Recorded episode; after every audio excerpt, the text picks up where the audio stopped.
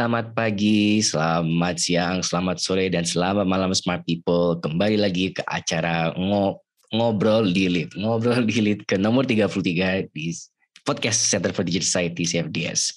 Nah, um, bagi para pendengar lama maupun pendengar baru, uh, podcast kali ini uh, kita akan membahas mengenai investasi digital. Dan seperti biasa, podcast ini didatangi oleh dua rekan saya yaitu Mbak Ines dan Mas Adat.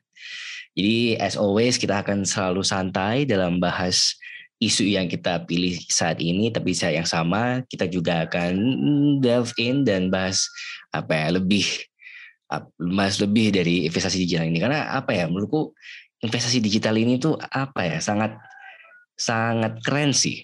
Dalam arti apa ya dulu aku nggak tahu ya kalau orang dulu investasi kayak apa. Aku bayanginnya kayak kalau mau beli uh, emas mau beli surat-surat berharga itu harus datang ke lokasi langsung mereka datang ke lokasi langsung beli dengan harga yang sudah set dengan jumlah yang sudah set dan apa ya membawa kembali aset yang mereka beli. Contohnya seperti emas nih. Kalau kita mau beli emas, aku rasa udah ada gramnya yang sudah ditentukan kayak antara satu gram, setengah gram dan sebagainya. Tapi kalau sekarang di apa ya, di zaman now nih, di zaman yang serba digital ini sekarang sudah mulai apa ya tren baru ya sebenarnya bukan tren baru juga sih tapi uh, mulai ngetren investasi investasi investasi investasi investasi investasi digital nah maklum lah ya ini kita rekamannya pas lagi puasa jadi wajar lah kalau misalnya kita ada salah satu dua kata manusiawi. But anyways, investasi digital ini mungkin sudah familiar sekali didengar oleh para smart people, oleh teman-teman juga. Uh, dan aku rasa hampir semua platform e-commerce yang ada di Indonesia ini itu sudah menyediakan apa ya semacam jasa atau semacam apa ya uh, cara untuk kita berinvestasi. Mungkin kita bisa lihat dari apa ya dari Tokopedia misalnya itu Tokopedia itu ada investasi emas. Ada juga investasi reksadana malah. Jadi lengkap tuh sebenarnya Tokopedia itu sebagai media investasi. OVO hmm. aja juga ada itu bisa investasi emas mulai dari lima ribu rupiah katanya. Shopee juga bisa itu investasi emas. Dan ya. apa ya, yang menarik dari semua ini itu adalah bahwa investasinya itu fleksibel dan dengan nominal yang apa ya murah hitungannya. Jadi seakan-akan ya. bahwa investasi itu bukan hal lagi yang susah untuk dilakukan oleh uh, masyarakat umum. Kalau mungkin dulu mau beli emas harus satu gram itu kan apa ya? Mungkin kalau dulu harganya ya murah untuk saat sekarang ya. Mungkin dulu harganya satu gram empat ratus ribu. Kalau sekarang kan satu gram kan udah mau mencapai sembilan ratus ribu tuh. Kalau ya, di Tokopedia betul. tinggal beli aja tuh, beli mau nih beli seratus ribu, ratus ribu. Nah, itu yang mungkin menarik sih dari adanya apa investasi digital ini. Karena nggak cuma apa ya nggak cuma platform yang sudah established aja yang menyediakan jasa tapi juga sudah mulai adanya uh, apa ya aplikasi-aplikasi lain yang memang itu khusus untuk fungsi-fungsi uh, investasi digital. Nah, di podcast kita kali ini itu mungkin ya kita akan bahas sedikit tentang teknisnya dan sebagainya, tapi aku mau coba ini sih bahas tentang pengalaman dari Mbak Ines maupun Mas Adat nih, kayak apa sih kira-kira dari apa Mbak Ines maupun Mas Adat yang apa ya pengalaman apa nih mengenai investasi digital? Apakah sudah mulai mencoba-coba untuk berinvestasi ala-ala digital atau mungkin sudah lama menjalankan ini? Mungkin dari siapa dulu nih yang mau cerita nih? Ines kali. Ines dulu. Gila. Saya investasi digitalnya. Oh, aku tuh mainnya reksadana. Hmm. Terus kayak ini kalau ini aku nggak tahu ya, aku doang apa si yang lain juga. Jadi tuh kalau aku lagi ngobrol sama adik aku yang cowok ya, dia mainnya lebih aneh-aneh lagi. Yang hmm. kakakku yang cowok juga mainnya kayak kripto, terus saham yang beneran saham saham yang beneran saham beda ya sama reksadana paham kan maksud yeah, aku iya yeah. yeah. kayak gitu-gitu terus kayak kita tuh kalau ngobrol bener-bener kayak smooth banget. Yang kayak kemarin gue tuh kan baru IPO kan. Betul yeah. betul. Terus dia tuh ngomong kayak wah gila kak kok eh, apa aku dapat gue tuh tapi bla bla bla bla. Terus aku kan kayak itu tapi kan dia oversubscribe mau itu tuh orang tua aku ngeliatin bener-bener yang kayak wow gitu. Hmm. kayak WD apaan tuh? gitu. Kayak gue tuh apa? gitu. Loh gue tuh Gojek Tokopedia itu mereka kemarin baru IPO ayah aku emang orang bisnis jadi kayak oh oke okay, gitu. Sementara ibu aku tuh kayak ini apaan? gitu. Yeah, jadi yeah, aku yeah. rasa ini anak muda saat ini tuh kayaknya memang lebih melek kali ya soal investasi. Hmm. Which kayaknya itu berkoresponden dengan program pemerintah yang ya, tahu gak sih yang programnya eh, IDX yang apa yuk nabung saham Ya, ya, ya. Ya ya ya.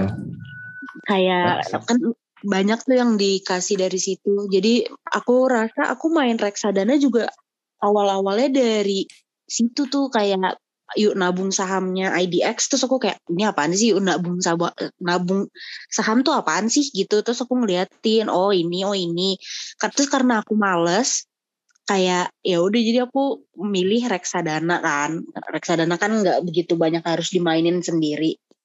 Terus abis itu platformnya apa ya? Ini disclaimer ya bagi para smart people yang mendengarkan. Kita nggak di endorse oleh siapa pun yang ada yang Iya. kita sebut dalam uh, episode hari ini tapi kalau mau ada opportunity mungkin ada yang menunjukkan gitu kan kayak wah seru nih mungkin bisa mengeksplor possibility ini gitu ya tapi nggak tahu tapi sih enggak ya untuk detik ini tapi kalau aku pakainya tuh mau invest tahu nggak Hmm. Invest. mau invest namanya jadi dia produk invest. investasi digitalnya mandiri Oh, oke, oke. ya ya ya. ya. Karena aku mikirnya waktu itu apa ya kayak kalau untuk platform-platform yang sekarang tuh yang in banget itu kan bibit terus eh Ajaib peluang, ajaib eh, eh, terus peluang ya PL uang peluang, Iya. peluang. itu aku mikirnya aduh kalau third party gue nggak percaya gitu Ya, ya, ya. sementara kalau mau invest kan dia dari mandiri investasi Mandiri kan langsung, Jadi iya, iya. kayak oh ya udah oke sans gitu walaupun ya minus terus sih guys kayak kalau bibit kan bibit yang pernah yang hijau gitu cuma aku mikir karena aku milihnya program yang 10 tahun juga ya paham lah kenapa masih minus terus gitu Ya ya. Ya, ya, ya. Long term lah ya. Heeh. Tapi ya amountnya dikit sih guys. Ya maklum ya aku cuma seonggok gitu. Mahasiswa baru lulus gitu kan. Nggak apa-apa. Yang penting kan mulai. Karena kan apa ya tagline-nya dari investasi kan itu ya apa ya apa it's never too late to start. Ah, mulai Ya, aja ya, dulu. ya. Betul. Bener sih. Kalau kalau aku sendiri apa ya yang yang aku pakai jadi kan awal pandemi, ya enggak awal pandemi juga sih kayak tahun 2021 itu kan apa ya eh, banyak kerja tuh di CFDS jadi kayak ya udah kerja kerja kerja terus terus lihat apa rekening di Mandiri kok apa karena aku pakai Mandiri tuh pakai apa tabungan Mandiri. Karena kalau di Visipol kan paling gampang tuh. Terus aku lihat hmm, kok ini uangnya cukup numpuk ya? Terus aku mikir apa ya karena aku belum pernah tuh investasi apa apa aku coba mikir apa ya? Terus aku iseng-iseng coba tuh eh, apa namanya eh yang di mandirinya langsung itu apa itu deposit. Ah deposit. Hmm. deposit tapi kan ya deposit cuma berapa? Cuma satu juta waktu itu ya nggak dapat bunga banyak kan. Ya, ya. ya udah habis habis tiga bulan atau berapa bulan itu uangnya udah balik. So aku mikir hmm, apalagi yang aku bisa coba ya? Terus aku dapet saran tuh coba emas. Karena kan apa ya emas kan itu emang investasi long term banget kan. Jadi kayak kita emang nggak cari cuan nggak cari untung di investasi emas sekarang tapi carinya apa ya eh, stabilitas, Stabilitas. dari eh, tahunnya kalau kita bakal apa tuh uang bak, apa bakal naik terus value-nya. Ya udah aku coba emas di, di Tokped pakai Tokopedia dulu. Pakai itu berjalan tiap bulan aku masukin eh, minimal berapa lah 100 200 ribu. Jadi kan enaknya dari itu kan bisa nyicil kecil-kecil kan. Jadi kayak oh tahu-tahu ya. lama-lama jadi bukit. Nah, terus eh, tahun awal tahun ini banget eh, apa dapat uang kaget. So aku mikir kayak wah ini uang kaget kalau dipakai sayang tapi kalau dipakai buat beli emas juga apa ya aku pengen coba yang lain. Hmm. aku mulai coba tuh reksadana. Tapi kan aku awam banget so aku lihat orang pada pakai bibit ya udah aku pakai bibit tuh. Pakai bibit terus apa, kayaknya yang apa ya kenapa aku nggak apa ya aku langsung dive in ke bibit karena itu juga rekomendasi dari teman kan dan aku juga habis baca-baca kayaknya emang apa ya lebih aman itu pakai yang first party itu loh kayak yang mau invest gitu. Tapi aku pakai bibit ya karena aku lihat dia ada kayak semacam analyzing dari apa ya dari kayak semacam self survey gitu. Kita isi nih kira-kira kita tipe investor seperti apa. So aku dapat level yang moderate dan dari bibitnya dikasih rekomendasi tuh eh, apa eh, instrumen apa nih yang kira-kira cocok buat kamu untuk Ya, invest. ya. Terus, ya udah aku coba aja masukin udah berjalan empat bulan lebih ini lumayan itu naik. Meskipun nggak nggak gede-gede banget ya cuma tiga empat persen itu ya, ya, ya tetap seneng sih. Kayak soalnya liatnya hijau kan jadi kayak hmm, ini menarik juga nih. Saya kalau emas kan apa ya itu kalau kita cairkan sekarang itu rugi banget. Waktu itu aku ada apa itu ada keperluan mendadak butuh uang. Terus aku waduh aku nggak ada uang apa-apa di tabungan, adanya cuma emas. Ya udah terpaksa aku jual. Dan itu ada rugi karena aku belinya berapa, jualnya juga berapa. Loss lah ya. Terus ya udah aku pakai bibit ini belum ada urgency untuk ca apa cabut dana tapi wah lumayan banget nih naik-naik. Tapi di saat yang sama aku jadi belajar itu, aku juga mikir kayak kayaknya aku juga harus apa ya nabung gitu loh kayak bener-bener nabung saya kayaknya yeah, aku yeah, nggak yeah. nabung aku tuh nggak oh, nabung okay. jadi cuma main investasi kan so, aku yeah, sekarang yeah. mulai iya. pakai Genius ada flexi saver masukin tuh kayak ya udah masukin lima ratus ribu yang penting ada apa pegangan uang jaga-jaga gitu loh kan kalau flexi saver kan fleksibel tuh namanya juga flexi saver fleksibel dia bisa masukin kapan aja ada bunganya mau tarik juga aman jadi itu sih mungkin kalau dari aku tipsnya sedikit ini sih kayak investasi boleh tapi jangan lupa kayak apa ya ya jangan sampai kamu bangkrut jangan sampai gak punya uang gara-gara investasi itu loh. Betul betul. Setuju. Ada ininya tuh chartnya rim yang kayak iya iya iya. Ada ada. Harus berapa persen ya? Memang harusnya nabung eh, kayak uang emergency dulu baru investasi. Makanya kayak investasi kalau tidak punya uang gawat dari Tapi kayaknya itu iya, main iya. apa ya kayak jadi kayak semacam kutukan buat yang mau mulai investasi itu kayak wah ini ada uang. Gak cukup cukup ya. Oh gak segepok gede ini kayak ya udah masukin aja semua gitu loh kan mikirnya kan apa ya karena karena kan kita telat kan ini misalnya kayak temanku udah main bibi nih setahun aku baru mulai nih. Nah iya iya. iya. Kemarin nah, itu, itu. aku langsung rush in langsung masukin aja semua. Iya. Kalau kalau aku pribadi itu sebenarnya mengawali investasi itu udah agak lama sih memang dari aku kuliah ya karena dulu dapat hmm. uang ya kan dulu kuliah kan enak ya ada supply dari orang tua ya masih yeah. nah tapi aku cukup cukup bijak dengan menabung uang ini gitu beberapa beberapa ratus ribu gitu setiap bulan. Nah dulu tuh ada program gitu di bank, salah satu bank. Tapi ini belum ngomongin investasi digital ya. Ini salah satu yang mendorong aku kenapa aku menggunakan investasi digital sebenarnya. Nah eh, itu sudah berjalan sekian tahun, tujuh tujuh tahun berturut-turut setiap bulan uangku dipotong pokoknya bayangin tuh tujuh tahun tuh dari oh, dari tuh. aku kuliah kuliah yang perdana ya dari 2011 bukan 2000 bukan 2012 ya.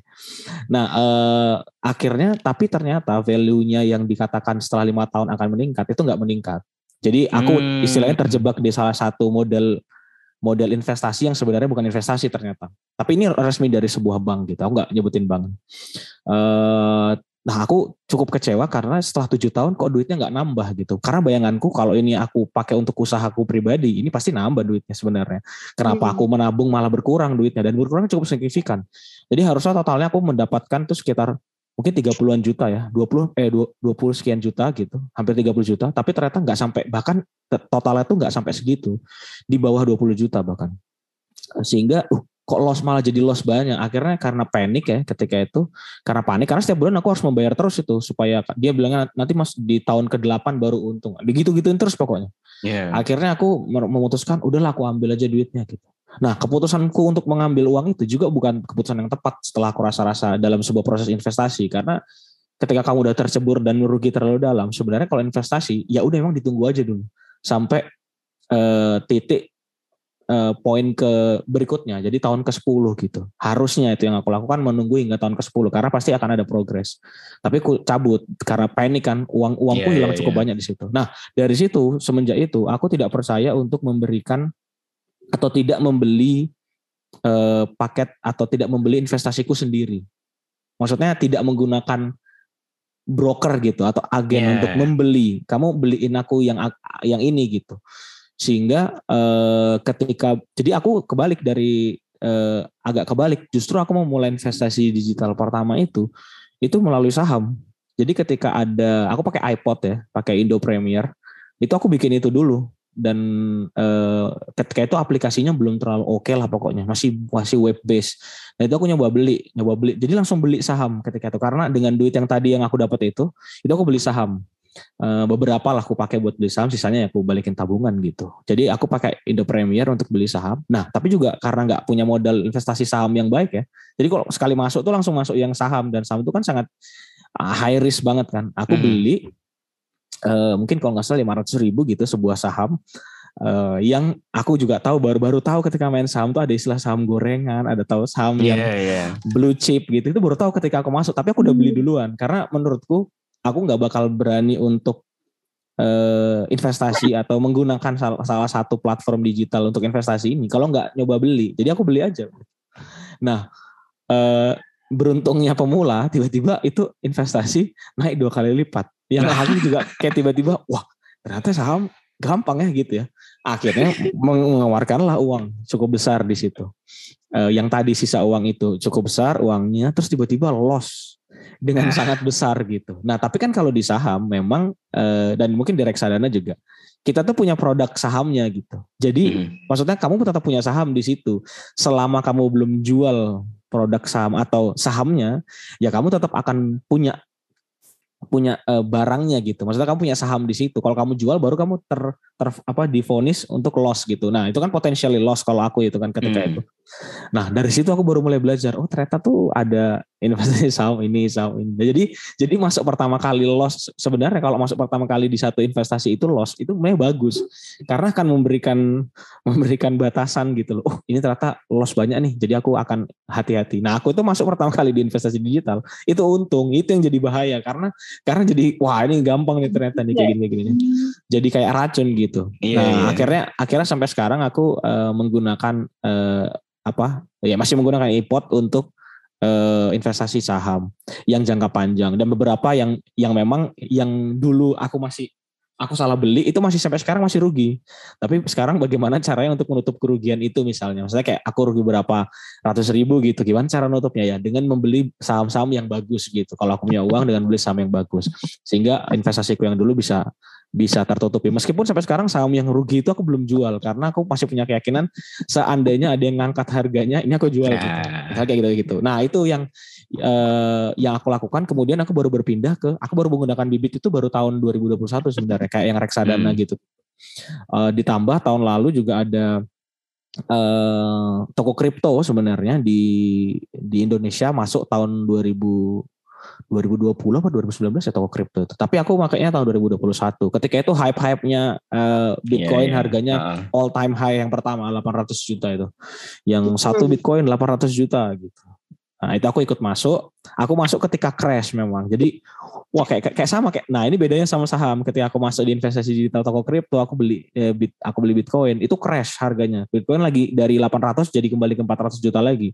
Nah, aku masuk di angka itu. Terus aku bilang, "Wah, ini berarti kayak kena tipu aja nih udah nih udah udah hancur-hancuran. Tiba-tiba akhir tahun kemarin Bitcoin all time high lagi dan itu belum kujual sehingga ternyata memang ya itu aku nggak bisa nggak tahu itu bahasanya adalah investasi atau bukan tapi menurutku trading atau perdagangan seperti itu di kripto itu juga potensi menguntungkannya bisa luar biasa besar tapi potensi lossnya juga luar biasa besar. Nah jadi aku kalau aku uh, urutannya kayak gitu tuh uh, jujur pakai saham dulu yang paling berisiko. Nah reksadana saham sampai sekarang masih eh reksadana reksadana itu masih sampai sekarang uh, mau pasar uang mau saham maupun apa apa pun. Tapi aku menggunakan bibit untuk ininya karena aku hmm. punya bank jago sebagai salah satu rekeningku. Oh, jadi iya. enak tuh belinya, tinggal potong dari, uh, dari tabungannya, ya. ada rekening. Aku selalu otomatis otomatis inilah otomatis beli gitu ya udah kalau reksadana reksadana kan sebenarnya sudah hampir dipastikan akan naik ya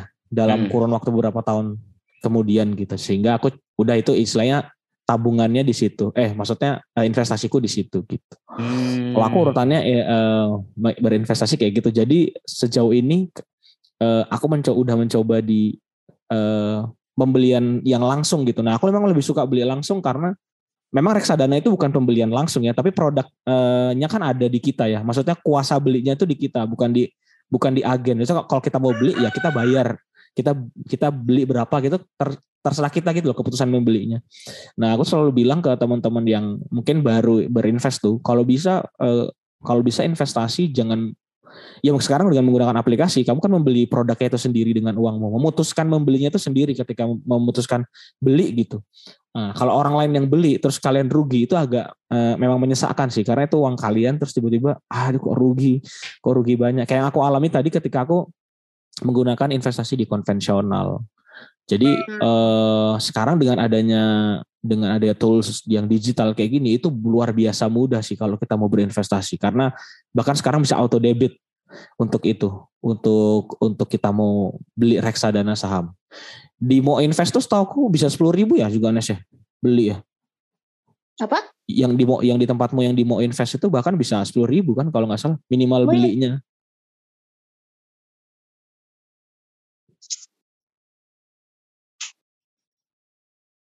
Iya. Yeah. Kebanyakan Iya, kebanyakan Halo? kayaknya udah bisa ya. apa dari kecil gitu loh. Mungkin itu yang bikin apa ya dari yang yang bikin menariknya dari investasi digital itu ya itu nggak nggak kerasa beban gitu loh investasinya. Mungkin kalau dulu kayak mau investasi emas atau apa saham itu kan apa ya kalau nggak beli banyak kesannya rugi kan. Tapi ah, kayaknya mindset uh, semuanya itu ya apa ya seolah-olah kayak nabung gitu loh. Investasinya itu kayak nabung bukan kayak iya, iya, investasi. yeah, yeah, yeah. jadi kayak itu auto debit tiap apa uh, tiap bulan gitu kan. Jadi kayak otomatis ya kayak yeah, yeah, sama yeah. kayak nabung kan. Cuma apa ya tabungannya ini ada bunganya. Nah, iya, bertambah bertambahnya kan. lebih cepat ya itu kayaknya ya semacam pros prosnya dari pros and cons dari investasi. Ya tapi aku sangat happy dengan dengan konten kreator yang belakangan ya yang beneran mengedukasikan uh, investasi digital ya tidak hanya investasi tapi berinvestasi gitu. Terutama karena sekarang toolsnya banyak digital. Ajaib peluang iPod kemudian ada Stockbit dan lain-lain lah. Macam-macam itu kan banyak banget. Itu dikampanyekan atau dikampanyekan bahwa ini itu mudah digunakan dan di endorse sebenarnya salah satu yang cukup eh, apa namanya cukup cukup apa ya memiliki impact kan ketika Raditya Dika ya. Raditya Dika ini kan salah satu influencer yang terbesar di Indonesia. Dia kan cukup promo ini tuh ya soal investasi-investasi dan itu menimbulkan terutama di kalangan anak-anak di kota gitu untuk melek investasi. Dan akhirnya eh, menurutku sejak itu justru menul, eh, jadi menular ke mana-mana. Dan eh, aku nggak heran sekarang angka indeks sahamnya di Indonesia itu all time high terus setiap setiap harinya setiap pekannya gitu. Karena antusiasmenya udah bergeser tidak hanya lagi ke orang yang dulu kan saham tuh terkenal ke pekerja ya, kelas pekerja uh, iya, yang sudah 30 40 tahun, yang yang bingung uang yang banyak ini mau dikemanain, jadi ya ditaruh saham gitu, dimainin sama broker, dimasukin ke sekuritas dan lain-lain. Sekarang anak-anak muda beneran yang kayak bisa cuma beli eh, sepuluh ribu melalui reksadana saham, kemudian uh, beli apa namanya dari aplikasi-aplikasi yang saham langsung, saham-saham yang baru itu sekarang antusias banget mengikuti saham dan membeli saham. Kalau maksudnya kalau anak muda udah bisa beli saham atau mampu beli saham di Indonesia menurutku itu pertanda yang bagus untuk iklim investasi di Indonesia juga sih. Belakangan Goto uh, meskipun banyak pro kontra akhirnya launch juga kan uh, dengan uh, dengan banyak sekali ya isu lah katanya. Karena dulu buka lapak juga seperti apa Goto akhir nanti takutnya seperti buka lapak dan lain-lain. Tapi orang tetap percaya bahwa ini ya masa depan gitu. Eh, perusahaan ini perusahaan yang di masa depan akan berjaya eh, berjaya. Aku ingat banget eh, kalau soal ngomongin soal investasi ini dulu ada terutama di investasi yang bentuknya ada kaitannya dengan digital ya.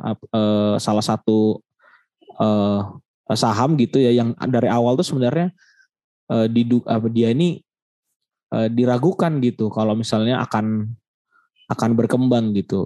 Salah satu uh, sahamnya ini kalau nggak salah namanya data center, data center Indonesia. Aku lupa uh, kodenya apa.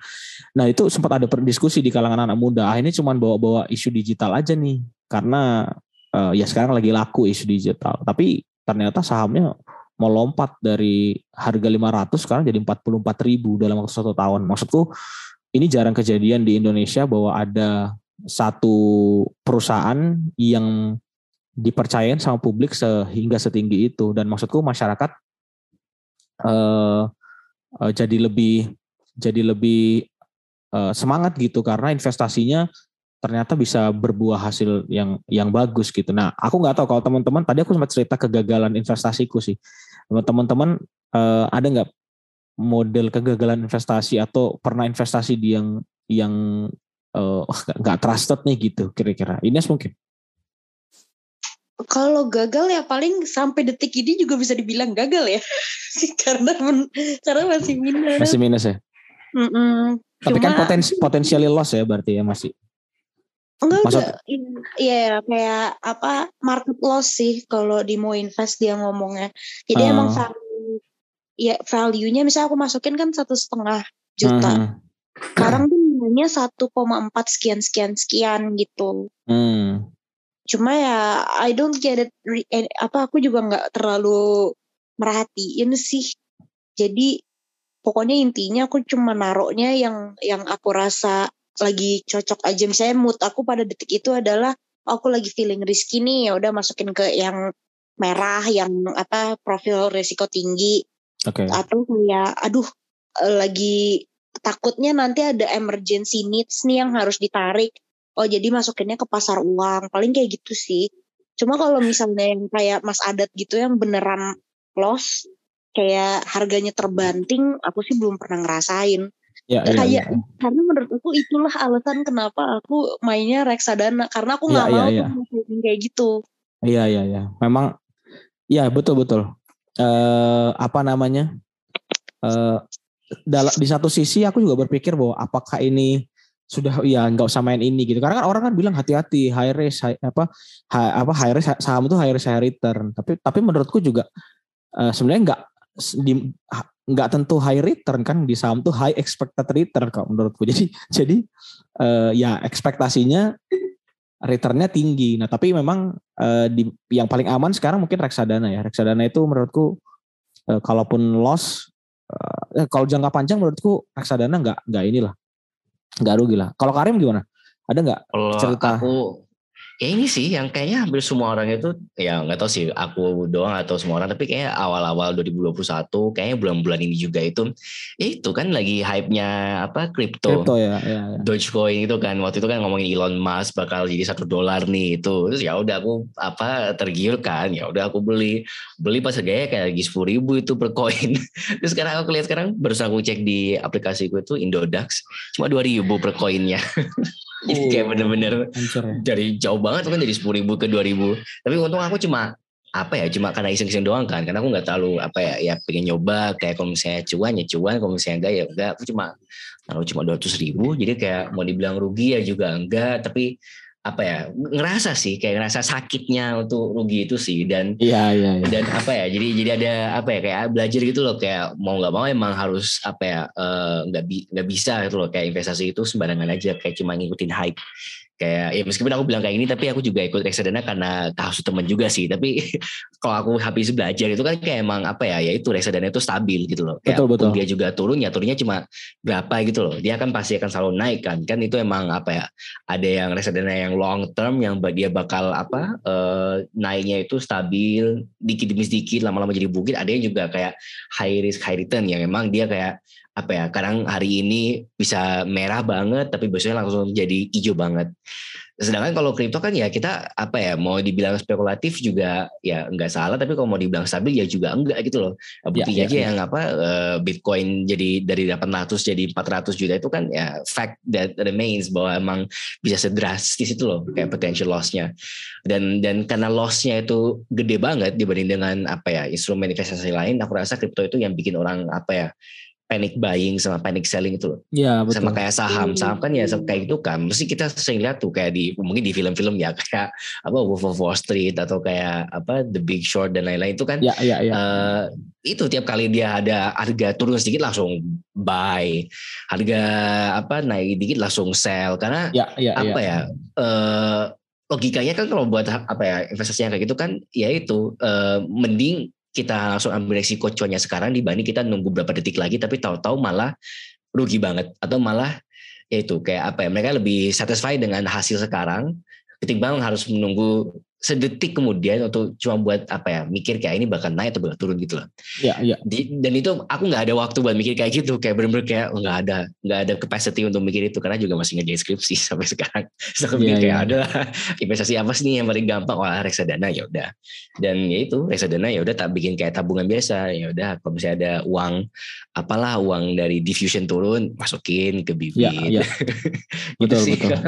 Iya apalagi sekarang memang ya tadi seperti aku bilang ya uh, uh, ekosistemnya itu udah kebentuk. Jadi bukan hmm. hanya uh, platformnya untuk membeli, tapi biasanya kerja sama bank apa, bank apa. Kayak kayak iPod itu setahu aku kerjasamanya sama Permata, Bibit kan punya kerjasama sama Bang Jago misalnya. Jadi kalau hmm. kalau kita platformnya itu beneran bisa bisa connected itu, itu membuat membuat uh, ku pribadi kalau kita mau beli beli sesuatu jadi kayak ah enak nih udah tinggal kayak kita beli pakai GoPay aja misalnya mau beli. Iya, Bahkan iya, sekarang bener, setelah aku pakai GoPay juga bisa beli. Bibit GoPay, bisa pakai GoPay itu. Huh. Ya bisa pakai GoPay, bisa pakai kayak kayak uang-uang yang sebelumnya mungkin eh tersisa kasih saya lima puluh ribu nih misalnya itu pun bahkan bisa beli bisa beli reksadana saham tuh kadang kalau nggak kalau eh reksadana reksadana gitu jadi jadi kemudahan itu menurutku sebenarnya terutama untuk mahasiswa ya yang mungkin masih nah, mendapatkan nah, iya. uang jajan dari dari orang tuanya gitu ini peluang yang sangat mudah uh, untuk uh, berinvestasi gitu karena ya sekarang Indonesia masih sangat tumbuh lah ekonominya gitu. Hmm. Menurutku investasi di di saham, reksadana saham, eh, reksadana pasar uang, uh, obligasi bahkan itu masih cukup menguntungkan untuk masa depan gitu. Bayangin aja kalau punya uang uh, ya satu dua juta gitu kita taruh sekarang terus tiba-tiba misalnya untung 10% dalam hmm. dua tahun. Ya iya ya kalau angkanya kecil memang nggak kelihatan terasa tapi kalau kita lihat persentasenya ketika 10% dalam satu tahun itu kan lumayan gede ya kalau dibandingin dengan uangnya kita taruh di tabungan aja gitu. Dan apa ya dan menurutku itu aku nyesel sih karena apa ya nggak mulai dari awal banget. Kayak waktu kuliah kan apa ya ya itu kan dapat uang dari orang tua. Terus kayak ya dipakai cuma buat apa sih cuma buat makan doang. Ya buat nongkrong doang kayak masih nggak ada tanggung jawab apa itu tapi ya ya itu. Aku nggak mau aku baru baru mulai itu ya pas pandemi. Berarti hitungannya itu ya pas aku udah semester ya. 4 ya sebenarnya nggak telat-telat banget sih tapi ya apa ya bayanganku dengan semua uang yang udah aku habiskan ya, selama empat semester sebelumnya itu ya bisa ya, aku jadikan investasi gitu tapi ya masuk uh. Uh, uh, selama udah mulai itu menurutku udah oke okay sih kayak yang penting mulai aja dulu kayak iya, jangan betul. nyesel masih, jangan nyesel sama masih, yang what if gitu Iya masih cukup muda lah, Ri, maksudnya uh, iya, iya, untuk iya. untuk untuk mengikuti itu dan jauh, jauh masih panjang juga gitu kan. Bener, uh, bener, bener, kan bener. banyak juga yang baru mulai ketika udah kerja. Bahkan bahkan kalau aku aku pernah baca, aku pernah ikut salah satu acaranya ajaib atau peluang ya aku lupa mereka bilang bahwa user user mereka yang paling eh yang paling banyak gabung itu pekerja di level usia 27 sampai 35. Jadi sebenarnya uh, ya memang baru kayaknya orang-orang yang baru pertama kali kerja, baru pertama kali dapat pekerjaan, dapat mendapatkan gaji, kemudian mereka bingung duitnya mau dipakai buat apa dan mereka kayak punya cita-cita yang yang ingin mereka wujudkan dengan investasi gitu. Jadi sebenarnya tidak ada kata terlambat juga. Kalau kalau kita lihat ya sekarang ya di dunia bahkan yang main Bitcoin yang main kripto itu anak-anak kecil loh, bukan orang-orang yeah. tua loh. Itu aku yeah, sampai sampai ada tem, uh, apa namanya ya ya rekannya rekanku gitu masih ada adik gitu lah SMP. Wih tabungan Bitcoinnya tabungan kriptonya kok sangar. Maksudnya wah ini kok anak kecil ya tabungan kayak gini gitu. Dan dia lebih pintar daripada kita gitu. Uh, hmm. dalam dalam memformulasikan pembelian-pembelian ini. Karena dia bilang ah ini mainnya kayak main game kok gitu. Kayak ini permainan kripto ini kayak main game. Nah mereka aja udah menganggap itu sebagai kayak sebuah permainan gitu. Uh, mendapatkan uang itu. Padahal uangnya nggak kecil menurutku. Dan sekarang dengan adanya peraturan pajak di Indonesia terkait dengan kripto uh, uangnya jadi bisa masuk ke Indonesia uh, hmm. uang uang kripto ini kalau di, di ditukar kemudian diganti ke IDR gitu ke rupiah bisa di bisa dipakai betulan bisa dipakai beneran bukan hanya sekedar uh, angka di dalam kripto aja gitu. Memang menarik hmm. banget sebenarnya kalau kalau kita membahas model investasi digital yang yang sekarang muncul gitu.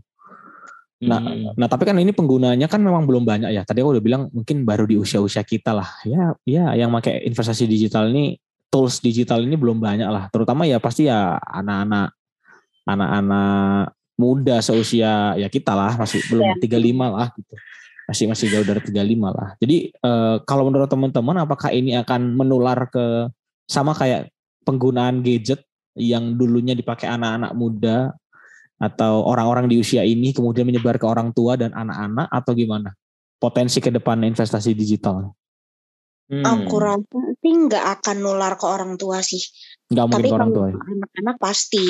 Hmm. Cuma kalau orang tua tuh kalau dari yang aku ngobrol sama ya ya orang tua orang tua ya yang ada dalam hidup aku itu rata-rata tuh investasi tuh nyangklongnya masih ke rumah iya, perhiasan iya, iya, iya. kayak gitu jadi logam mulia gitu-gitu. Jadi menurutku kayak investasi, kata investasi aja menurut mereka tuh lebih ke arah barang-barang yang kayak gitu. Hmm, oke. Okay. Nah, ada kayak tante aku yang ngomong investasi tuh ke anak aku tuh kayak astagfirullahaladzim ada eksploitasi dong anaknya jadi jadi investasi iya kayak lo ini enggak banget tapi pada intinya kayak mereka agak yang dari yang aku dapat ya tapi ini aku tidak menggeneralisir mungkin ada orang tua yang lebih melek investasi digital kali ya iya iya iya soalnya kalau dari yang aku lihat mereka tuh nggak menganggap kalau investasi digital tuh adalah apa suatu investasi gitu. Yeah. Kayak aku hmm. sama ada aku naruh duit di let's say mau invest kah apakah apakah itu tuh mereka nggak melihat itu sebagai investasi quote quote paham gak yeah. sih? Iya yeah, iya. Yeah. Lebih kayak ya ya kamu nabung. Hmm. Gitu. Padahal menurut aku kan itu investasi karena the amount of money changes gitu kan. Iya iya iya. Ya tapi karena aku malah menjelaskan jadi nggak aku jelasin juga sih.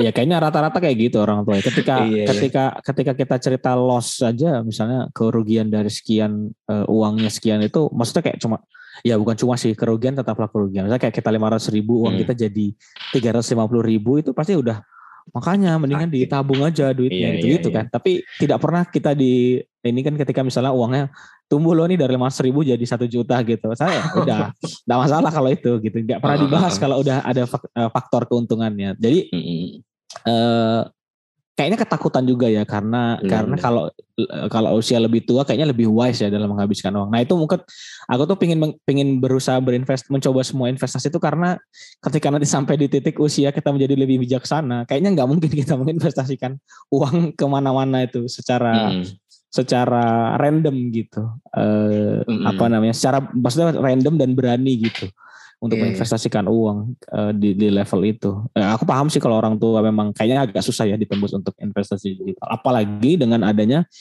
uh, model-model investasi yang bodong ya belakangan ini yang kita dengar ya yang mengaku investasi tapi ternyata sebenarnya bukan investasi nah kalau menurut teman-teman uh, yang paling membedakan dia ini investasi atau sekedar apa ya? Ya investasi ilegal atau investasi resmi menurut teman-teman apa? Ines mungkin. Oh, izin kali ya. Izin ya. Whether Legalitas or not ya? oleh hmm. negara. Kalau hmm. misalnya kayak apa ya? Kayak sebenarnya orang kalau mau bilang kripto tuh masih lukratif banget karena minim regulasi menurut aku itu tuh kayak pedang bermata dua berat banget gitu loh.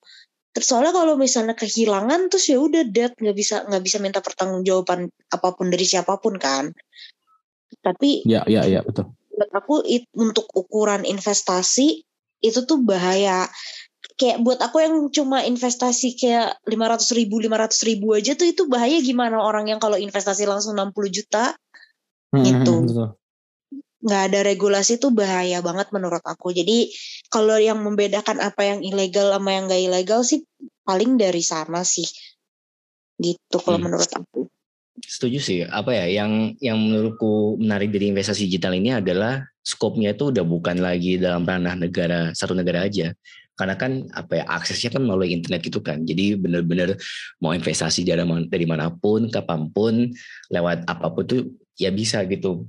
Dan apa ya dan ya itu yang kayak jadi agak semacam gray area kayak apakah ini investasi apakah ini legal ilegal kan kembali lagi ya, ya. tergantung dari regulasi dan kebijakan yang sudah ada kan ya, dan ya. kayaknya ya. apa ya trajectory dari investasi digital ini itu lebih lebih maju perkembangan teknologinya ketimbang apa regulasi yang ada di negara selalu baik begitu, itu Indonesia selalu maupun nah, selalu gitu kan dan ini kalau lihat dari yang apa kripto maupun NFT kan harus tunggu apa ya harus nunggu ya kurung unquote viral kan ya, bukan dalam arti viral di sosmed tapi nunggu kayak adopsinya itu udah ada di Indonesia terus kemudian gimana caranya biar kita bisa regulasi dan ya sebagai negara yang mengambil keuntungan dari apa hasil uh, apa dari instrumen investasi ini jadi mungkin ya sama kayak mbak ini sih kayak dari segi regulasi kayak selama itu udah oke okay sama OJK itu aman-aman aja dan yang itu yang jadi masalah kayak ya. kalau kita mengingat sama kasusnya yang apa robot trading itu kan ya teknik ya, itu ya. kan apa ya nggak ya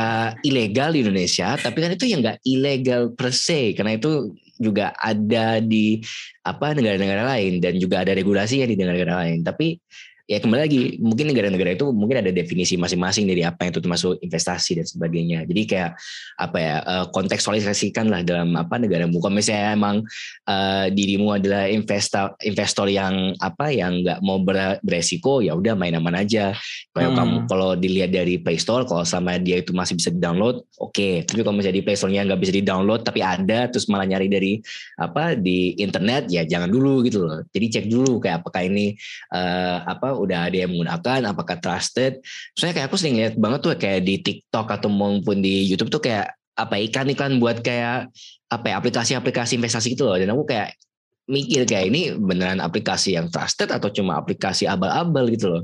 Okay. karena apa ya hmm, stansku kalau melihat iklan apa-apa di sosial media itu atau di itu kayak mikirnya wah ini abal-abal ini. Kalau misalnya itu yeah, bukan yeah. namanya terkenal gitu loh kayak Betul. apa lah aku nggak mau sebut merek sih karena mungkin bisa aja mereknya tersinggung tapi itu sih menurutku itu sih yang penting kayak apa ya know where you are dan kayak tahulah kamu itu tipe orang yang seperti apa kalau investasi. Kalau misalnya mau, mau berani korong-korong gambling ya silakan investasimu adalah dengan gambling. Bukan berarti dalam judi tapi kayak dalam mengundi nasibmu dengan apa uh, investasi yang kamu milih. Tapi kalau misalnya mau cari yang aman, Iya, yeah, nggak maksud gue, aku ngomong gambling bukan dalam arti benar-benar judi ya. Mungkin aja itu, yeah, mungkin yeah, aja itu benar-benar judi kan. Tapi maksud gue apa ya, mencoba ya siapa tahu kalau misalnya cuan ya cuan, kalau misalnya rugi ya rugi gitu loh. Ya mungkin yeah. again, you know, definisi legal ilegal itu kan very apa ya, black and white gray area gitu loh. Kita yeah. bukan anak hukum, jadi kayak itu sih. Iya, ya kalau aku kalau aku tadi ya terkait dengan dengan investasi itu ya kembali lagi kalau kalau tadi mungkin Ina sama Karim udah memberikan beberapa contoh terkait dengan ini tuh gimana ya terutama soal legalitas kalau aku lebih kepada bagaimana cara eh, mereka mempromosikan produk investasinya itu juga hmm. jadi problem pasti kalau terlalu apa ya dengan dibumbui dengan flexing dan lain-lain nah, itu sudah iya, iya. sudah jadi red flag tuh menurutku selama apa ya selama kata-katanya itu nggak terlalu apa ya hyperbolik gitu loh yang ya, orang bilang ya. kayak wah ini returnnya 200 nah 200 itu juga. persen dalam sehari itu kan itu salah satu banget itu itu ya, ngapusi kita, iya kita pernah bilang kalau too good to be true itu pasti selalu selalu ada iya. masalah tuh di balik yeah, yeah, yeah. di balik kata-kata di balik apa promosi itu. Nah, menurutku itu salah satu justru yang menurutku yang terdepan yang harus kita lihat karena ketika kita masih kita ketika kita masih ya kita semua nggak mau munafik bahwa kita mencari keuntungan dari investasi. Tapi yeah. ketika ketika itu udah di atas rata-rata dan tidak dilandasi dengan apa namanya uh, basis yang kuat uh, hmm. basis uh, fundamental toolsnya atau investasinya yang kuat menurutku kita perlu curiga. Yang mungkin kayak aku tadi yang ketika aku di saham ketika masuk pertama untung nih dua kali lipat. Tapi karena kita nggak belajar nggak tahu jadinya malah loss terus. Yeah Nah itu yang menurutku bisa jadi salah satu pembelajaran bahwa uh, ada memang memang uh, pendidikan untuk investasi atau pemahaman soal investasi itu harus lebih dalam lagi tidak tidak hanya sekedar uh, masuk saja. Bahkan kita nggak bisa percaya sama orang yang sudah lama bermain. Maksudnya kita harus misalnya ada yang mungkin hmm. orang yang udah lama main terus ngasih tahu beli saham ini atau beli produk ini langsung. Itu nggak bisa langsung kita percaya karena sekali lagi yang membuat keputusan itu kita bukan mereka gitu. Jangan-jangan orang yang udah lama ini memang mau goreng harga saham misalnya tiba-tiba dinaikin yeah. supaya orang mau beli nanti dia ternyata dia udah masuk dari jauh-jauh hari ketika harganya masih murah dan lain-lain. Jadi uh, return on investmentnya itu memang juga harus dilihat hmm. banget karena itu menjadi salah satu indikator utama. Jadi kalau misalnya ada yang bilang dapat 10% nih per hari gitu. Wah, itu udah gila saya. banget itu. Karena ya, bahkan rata-rata per tahunnya aja itu ROI itu adalah 8%. Itu kayak paling rata-rata itu. Iya, Bayangin rata -rata. 8, 8% per tahun. Dan ya, apa sama. ya, top top investor dan sebagainya itu juga ngomong kayak apa ya aimnya itu adalah emang untuk ya. masukin banyak tapi kayak ya. bukan cari bukan cari untung yang banyak per se tapi kayak ya misalnya kamu ada nih 100 juta investasi. Ya, ya. ROI-nya 8%. ya itu kan berarti kan kamu dalam satu tahun berapa itu. Nah kamu gunakan 8% itu, misalnya 4 persennya itu buat gaya hidupmu, sisanya buat investasi lagi. Jadi kayak Betul. apa ya, yang dicari itu apa ya, mungkin buat apa ya, sebagai insight buat smart people yang mungkin belum tahu. Jadi yang dicari mm -hmm. itu bukan bukan cuannya yang berkali-kali lipat, tapi yeah. stabilitas. Betul betul. Yang tiap tahun itu akan selalu sama gitu loh. Kalau yeah. misalnya setiap tahun itu bakal naik 8%, bukan naik ini, tapi kita yang selalu masukin uangnya biar itu akan terus jadi 8%. Ya, yeah, ya. Yeah. Jadi hmm, mungkin agak susah untuk divisualisasikan, tapi kayak kalau aku nyebut angka juga aku nggak bisa ngitungnya sendiri. Iya. tapi logikanya itu adalah 8 apa ya 8% yang kita goalnya itu 8% persen ya. dan kalaupun digunakan itu cuma 4% itu ya, apa ya bagaimana itu. Oh, dari keuntungannya ya. itu. Ya, itu ya. sih yang menurutku. Dan juga ketika berinvestasi tadi seperti Karim ya, eh, Karim udah cerita nih bahwa dia tidak memiliki tabungan dan banyak kan diinvestasikan yeah, misalnya. Itu juga menurutku kita perlu perlu waspada dengan hal-hal seperti itu karena memang idealnya investasi itu menggunakan uang yang istilahnya orang tuh uang dingin gitu, bukan uang yeah. panas. Uang yang memang sudah nggak di bukan uang yang sudah nggak digunakan sih sebenarnya. Uang yang sudah cukup aman untuk kita gunakan ke yang lain. Nah pilihannya kan ada dua. Apakah uang ini mau kita pakai untuk foya-foya atau hmm. uang ini mau kita pakai buat investasi? Sebenarnya pilihannya biasanya ada di situ tuh. Uh, uh, apa namanya simpangannya tuh ada di situ. Kalau uang yang untuk investasi itu biasanya pilihannya tinggal uang ini mau buat foya-foya atau mau buat investasi gitu. Uh, atau atau apa? Tapi kayaknya nggak ada yang lain sih. Biasanya godaannya cuma dua itu. Mau kita pakai sendiri atau enggak. Biasanya nggak akan ada opsi tuh uang ini ditabung. Mendingan diinvestasiin atau dipakai untuk uh, keperluan oh, foya-foya gitu. Karena ini uangnya beneran udah udah safe dan maksudnya udah nggak dipakai untuk tabungan lagi, tabungan udah cukup, uang kesehatan udah ada, uang makan udah cukup, bayar kosan udah ada, misalnya kayak gitu kayak gitu. Nah ini uangnya mau buat apa? Nah itu yang yang menurutku bisa jadi bisa jadi ini juga apa? Eh, salah satu tanda gitu bahwa kita sudah cukup bijak dalam menggunakan uang kita untuk berinvestasi terutama hmm. sekarang dengan bahasan kita investasi digital dengan kesulitan uh, dengan segala kesulitan yang dulu dialami sekarang jadi lebih mudah menurutku. Harusnya teman-teman juga sudah mulai melakukan investasi digital dan dilakukan dengan kesadaran sendiri ya. Meskipun kadang kadang-kadang terdorong oleh seperti Karim tadi keinginan apa dari teman-temannya gitu. Teman-temannya udah udah gini jadi uh, FOMO ya bahasanya ah, fear of missing out ya FOMO ya. Jadi kita takut, aduh takut nih ketinggalan nih, takut gini gini gini. Akhirnya kita berinvestasi. Menurutku uh, dicoba aja karena sekarang bisa tadi uh, Ines bilang sepuluh ribu bisa bahkan ya kita uh, yeah. memasukkan di reksadana itu bibit bisa sepuluh ribu mau invest bisa sepuluh ribu kayaknya di mana pun sekarang bisa tuh sepuluh ribu yeah. dan ini sangat sangat mendorong teman-teman yang uh, retail bahasanya yang uang-uangnya masih kecil gitu pemain-pemain baru untuk membeli uh, investasi dalam bentuk apa pun gitu. Mm, benar banget. Jadi apa ya mungkin untuk penghujung acara karena kita udah sejam ini ngobrolnya. Mungkin aku mau apa ya eh, kata kalimat kata kalimat uh, sedikit uh, backtrack lagi sih mungkin ini terakhir dari aku. Yang untuk apa sih yang tadi yang apakah orang tua akan mencoba untuk investasi digital? Menurutku PTM nggak usah orang tua deh tapi kayak in general apakah semua orang akan investasi digital tuh apa ya it all depends. Menurutku itu tergantung dari apa ya uh, kebiasaan mereka sendiri sih. Kayak apakah dari mindset mereka itu emang sudah ada ingin untuk menabung. Dalam arti ya menabung, uh, of course semua akan mau menabung kan, tapi kalau misalnya menabungnya itu bisa ada bunganya dan naik juga kan pasti akan apa ya menguntungkan bagi semua pihak kan dan ya. menurutku itu tergantung mindset sih karena kayak kayak mindset yang sudah dimiliki oleh apa ya, generasi tua itu adalah investasi yang berupa aset yang nyata tanah ya. uh, bangunan mobil ya. juga bangun ya, pokoknya semua mobil. yang ada yang bisa kita pegang itu kan menurut mereka adalah bentuk investasi kan meskipun juga akan ada depresiasi dan menurun uh, apa nilainya tapi bagi mereka itu tetap investasi sedangkan kalau hmm. kita kan apa sebagai generasi muda kan apa ya Uh, mau investasi rumah tuh ya mikir mikir satu sekali, hah investasi rumah beli rumah aja belum tentu bisa. Ya, Gimana mau jadikan modal investasi? Ini makanya Setuju. mungkin apa ya sangat uh, lukratif dan sangat menarik nih investasi digital untuk kepada generasi muda karena kalau kita lihat dengan metode investasi yang digunakan oleh para apa para peers apa para predecessor kita itu juga kayak susah dijangkaunya gitu loh. Tapi bukan berarti yang apa predecessor kita ini nggak bakal mencoba untuk delve in ke yang investasi digital yang zaman now ini. Soalnya waktu lagi peaknya apa cryptocurrency itu aku coba-coba so aku kayak bilang tuh ke aku kayak rada-rada seneng gitu kan wah ini habis coba investasi cryptocurrency nih coba deh gitu. Aku ngomong ke coba deh ke bapakku kayak mau coba untuk ngajakin tapi ternyata dia udah lama lebih lama lagi dari aku. Maka udah kayak bertahun-tahun investasi cryptocurrency jadi aku kayak oh, iya, ternyata iya, iya. saya yang muda ini ya ketinggalan. Iya.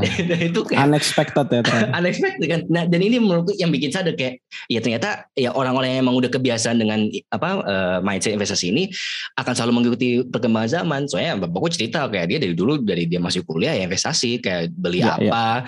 Ya. tapi lewat lewat broker kan. Dan kayak ya pernah rugi tiga ribu dolar gitu-gitu. Kayak puset itu kayak uang bukan main itu. Jadi kayak aku mikir kayak it's all about mindset kayak mau mau dia setua apa pun tapi kalau misalnya dia dari kecil emang udah terbiasa dengan apa hidup nabung dan apa investasi ya kayak Warren Buffett ya bakal ya. keterusan gitu menurutku itu sih kata terakhir dari aku mungkin dari Mbak Ines Mas Adat ya bijaklah smart people. ya. Setuju, setuju, setuju, setuju. Iya kalau aku mulai dulu aja, mulai dulu aja eh, uh, untuk investasi, uh, terutama uh, karena investasi digital sekarang udah terkoneksi ke mana-mana, baik dengan e-wallet, e-commerce bahkan mm -hmm. uh, bank digital udah terkoneksi. Jadi kayaknya bahkan sekarang bikin rekening tuh udah sangat mudah di rumah aja bisa. Bener uh, ada program-program masing-masing, ada flexi saver kalau di Genius, ada apa lagi misalnya di yeah, yeah. di Jabang Jago, di sekarang BCA Digital juga ada macam-macam lah. Itu tuh memang udah sangat mudah, jadi sekarang kita bisa main HP di HP itu tidak hanya nonton di YouTube tapi ngelihat pergerakan ya pergerakan yeah. Iya. uh, instrumen-instrumen investasi gitu yang banyak sekali dan dan itu menurutku permainan bukan permainan ya hiburan yang cukup menarik kok uh, yeah, yeah, untuk yeah. memantau kayak gitu kayak gitu memang kadang-kadang kita uh, jengkel kalau lagi loss aja cuma memang ya tapi nggak iya, apa-apa lah itu itu itu bagian dari proses satu saat pasti akan setuju, setuju. akan ada keuntungan yang didapat dari situ mungkin itu Hmm, jadi apa ya kalau aku tuh kayak udah jadi kayak rutin tuh tiap bangun pagi ngecek bibit ya. kira-kira ya. berapa nih. Aku jam jadi 9 pagi. Makanya aku ngajaknya jam 9 pagi terus sekarang jam 9 pagi itu baru dibuka IHSG-nya. Bener-bener. Oke ya ada semacam kayak sense of kayak, hmm, oke okay, hari ini. Ya, dan itu kayak ngubah mood kita gitu loh. Kadang-kadang kalau lagi hijau, ya, wah moodnya baik nih hari ini. Iya, iya. Ya. ya itu menarik, menarik. Itu kebiasaan baru sih. Aku juga kebiasaan ya, baru ya. itu yang aku lakukan itu but yeah, anyways itu uh, mungkin ada Mbak Nies mau nambah lagi atau udah? Udah udah. Oke okay, oke. Okay. Nah, yang penting bisa setuju setuju. Oke, okay, uh, eh, terima kasih Smart People sudah mendengarkan podcast kita sampai akhir ini. Mungkin sedikit uh, rangkuman dari apa yang kita bahas hari ini adalah apa ya investasi investasi digital itu adalah apa ya mau dibilang fenomena baru juga enggak tapi adalah apa ya tren baru yang apa ya yang bikin semua orang itu mudah untuk berinvestasi. Dari semua pilihan yang ada di muka bumi ini itu sudah mulai sudah gampang diakses oleh kita semua. Tapi tentu saja kita harus mulai bijak. Kita harus mulai tapi mulailah dengan bijak. Pelajari dari masa pelajari dari kesalahan orang-orang biar kita nggak salah seperti mereka tapi jangan ragu jangan ragu dan takut untuk mulai karena pun juga kita mulai nominalnya juga kecil-kecil nih ternyata ya. dari investasi digital ini nggak ada salahnya untuk mulai So anyway, uh, terima kasih Smart People sudah mendengarkan podcast, mendengarkan podcast kita kali ini. Selamat berpuasa bagi yang menjalankan. Uh, seperti biasa, jangan lupa kita plug in kalau misalnya teman-teman Smart People ingin baca mengenai riset kita. Kayaknya ada deh yang bahas tentang investasi. Pasti ada, ada. kayak, kayak ada. pasti ada. Kayak nggak mungkin nggak ada. Itu kan urusan urusan digital kan. Jadi kayak pasti ada tuh riset kita. Cek aja di cfds.visipol.ugm.ac.id uh, oh hari ini ada konten IPO. Ya, Oke, okay. jadi tunggukan saja di uh, Instagram kita di @cfds underscore UGM dan juga Twitter kita at CFDS underscore UGM dan pokoknya selalu ada deh acara-acara menarik dari CFDS itu mau itu ngomongin tentang uh, digital ekonomi atau apalah pokoknya nggak ada salahnya untuk ngefollow semua sosmed dan pantauin terus website kita. Ya. Sekian dari kami, terima kasih sampai jumpa di minggu ke depannya. Dadah. 哎。